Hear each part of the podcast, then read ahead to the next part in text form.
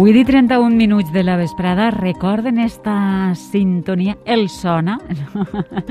Doncs és eh, la sintonia d'Em Sona Molt amb Isabel Ferrer. Com estàs Isabel? Bona Hola, vesprada. bona vesprada. I benvinguda. Eh, perquè comencem avui el primer programa de Em Sona Molt de la temporada.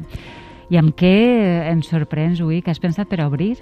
Mira, avui és el programa d'inici de la temporada i pensant, no se m'ha ocorrit millor forma de començar que justament parlant de música i inicis així com a, com a tema, eh? Uh -huh. És a dir, parlarem de músiques que inicien coses. I aquestes coses poden ser diverses, des d'actes de diferent índole o fins i tot músiques que comencen altres músiques. Ah, doncs mira, em deixes començar? Clar, endavant. Clar, perquè jo claro, mm, dona de ràdio total, i a mi el que em ve al cap és la sintonia precisament de Pròxima Parada, no? perquè és la música en què comencem cada dia el programa.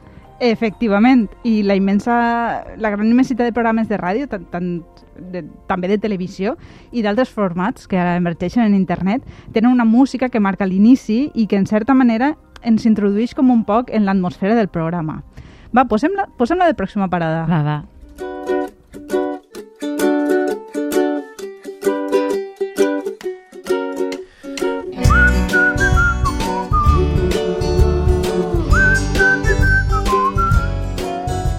Mi aquesta sintonia em resulta molt, molt curiosa, m'agrada moltíssim perquè, a diferència d'altres, és, és molt oberta i dona lloc a parlar de tantíssimes coses que, que Eh em resulta sí? molt atractiva. Sí, Sí, sí, sí, perquè és com que ho va xiulant pel carrer i va passant la vida. exactament. I va mirant tot el que passa i a la vida passa de tot. I, Exacte. però des d'un to eh, optimista, Sí. no? Perquè dona molt bon rotllo la sintonia. Totalment, totalment. Que bé, doncs mira, com el, el programa, la sintonia totalment casats. Però en relació amb això que dius, eh, Isabel, dèiem abans que doncs, eh, abans dels inicis la sintonia podria no estar, no? Podríem dir. Podria no estar. Clar, començar. Eh, vinga, comencem després de les notícies. Pròxima parada, però a veure, no fa el mateix efecte. No fa el mateix efecte. Mira, hi ha una idea que a mi m'agrada molt i que crec que l'he llegit a l'antropòleg Manuel Delgado, eh, que el podeu seguir pel Facebook, que sempre diu coses.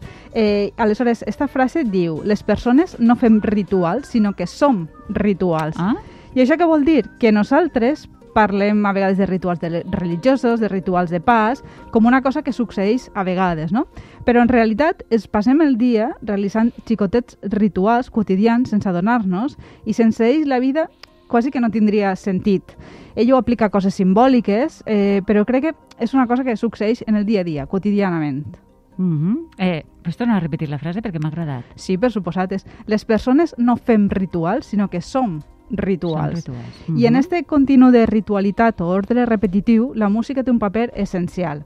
En el cas dels programes en els mitjans de comunicació, com dèiem, la sintonia crec que té aquestes dues funcions, una de marcar l'inici, eh, en, en el sentit més rutinari, en el sentit de marcar una rutina, Sí. però també clarament identitari, és a dir, que explica un poc com és això que vindrà, això que va a començar després. Per exemple, les sintonies de les notícies solen ser molt contundents Sí. i marcades, que criden l'atenció. Sentim, per exemple, la de les notícies d'esta casa, encara que no sé si ara l'han canviat eh, a partir de dilluns, però bé, sentim l'antiga i ja posarem la nova.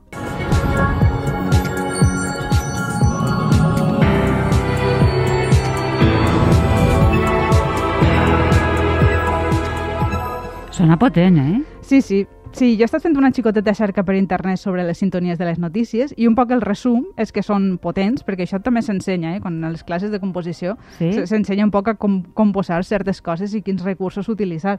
Hi ha classes de tot, de composició de música Ah. també. Aleshores estan pensades per a mantenir l'atenció, però una atenció un poc que podríem dir de forma negativa, eh? com la que anem a sentir a continuació.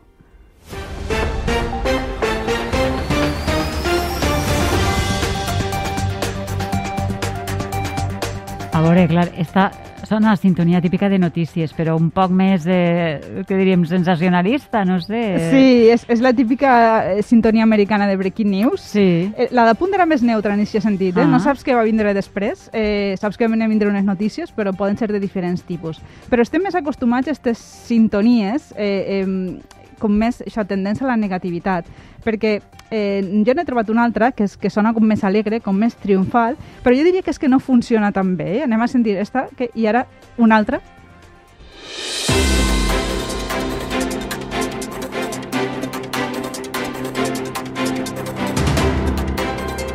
Sona molt, molt alegre.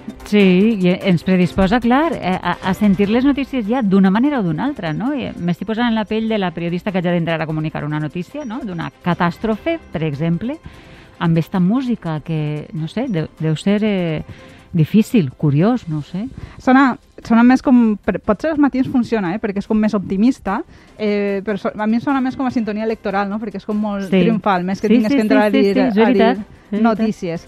En tot cas, eh, este fet de que la música inicia un acte, però també marca una identitat, una distinció i un caràcter, que és el que fan les sintonies, al cap i a la fi, ens transporta immediatament a un altre tipus de peces que anem a parlar avui, que tenen una funció similar, però en un context totalment diferent. En este eh, és el cas d'un gènere musical anomenat obertura, que segur que l'heu sentit esmentar en algun moment.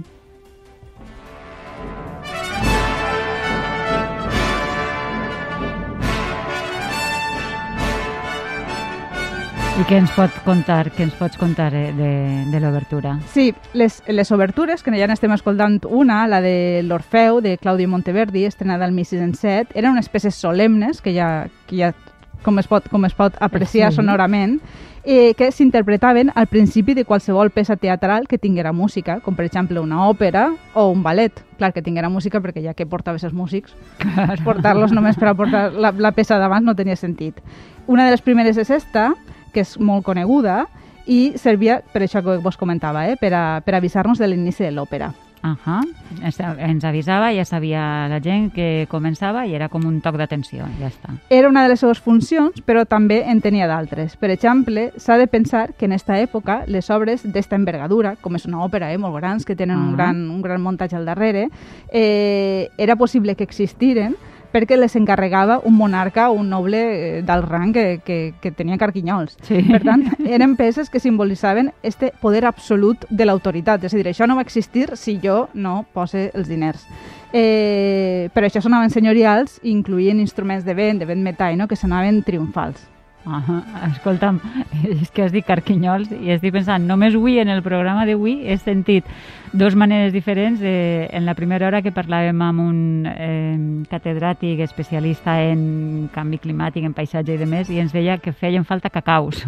Sí, I ara sí. dius tu carquinyols i he pensat, mira, tot en un mateix programa, que importants que són els carquinyols i els cacaus. Tu. Exactament. Escolta'm, o sigui, que eren peces que servien per a començar l'hora, però eh, marcaven este poder dels nobles, no? Sí, eh, sí, se tenien aquestes finalitats. Però a poc a poc, esta peça relativament breu que servia per a començar una òpera va començar a fer-se més important en ella mateixa. Eh, I va començar a tindre la seva pròpia estructura independent de l'òpera. Què vol dir la seva pròpia estructura? Que la persona que l'havia d'escriure, que la composava, això que us dia abans, de les classes, sabia que havia de seguir unes determinades regles. I en aquest cas, aquestes regles, fonamentalment, a l'inici van ser que tenia que tindre dos parts, eh, una lenta i una ràpida. L'ordre era, era, anava canviant depenent dels països. Escoltem este canvi de, de,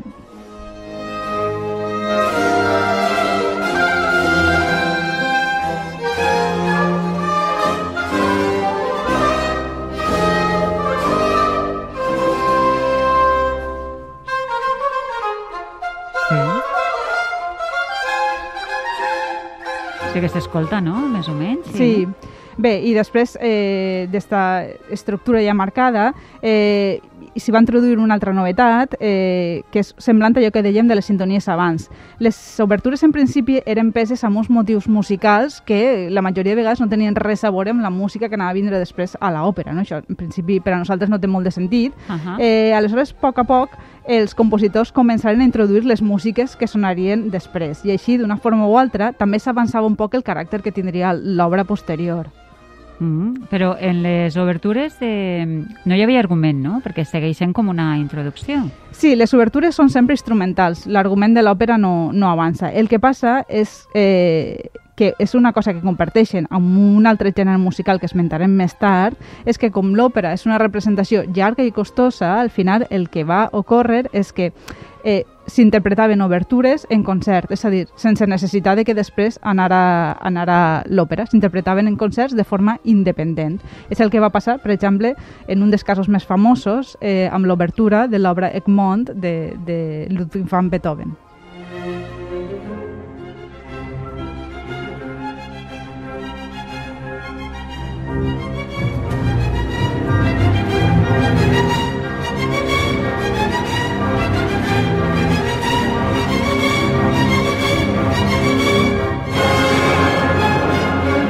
Aleshores, eh, Isabel, si anem a un concert i trobem en un programa una obertura, és perquè eh, falta la resta de l'obra de darrere. Sí, en molts casos, si anem a un concert eh, on no hi ha després l'òpera, segur que està l'obertura i ja està o diverses obertures.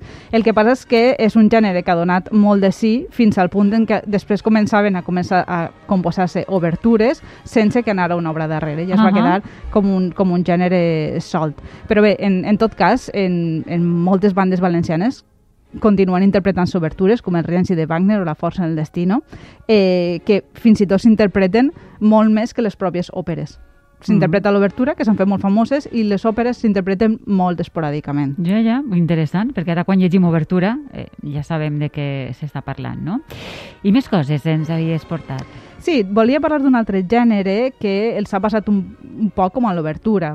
És a dir, eren músiques que en un principi tenien una finalitat lligada a servir de música d'inici, però s'han independitzat.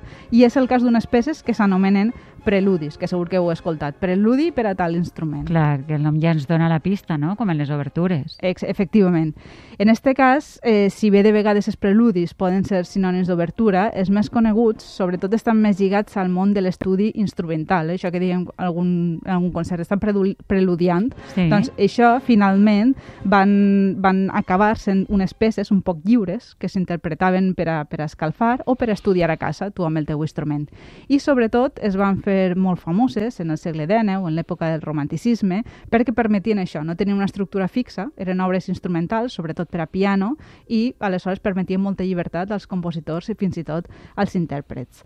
Eh, per això mateix va ser molt estimat en aquesta, en aquesta època i si voleu, abans de que pugi el fort de la música de Beethoven, escoltem un fragment d'un preludi eh, escrit per Clara Schumann.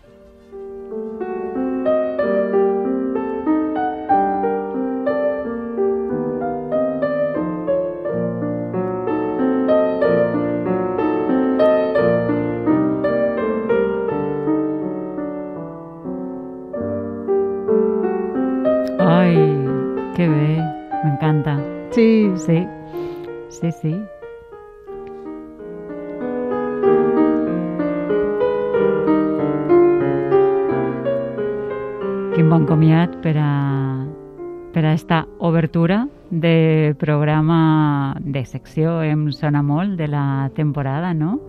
Acabar amb el preludi de Clara Schumann. Isabel, un plaer, com sempre. Un plaer per a mi. Fins la setmana que Fins ve. Fins la setmana vinent, gràcies.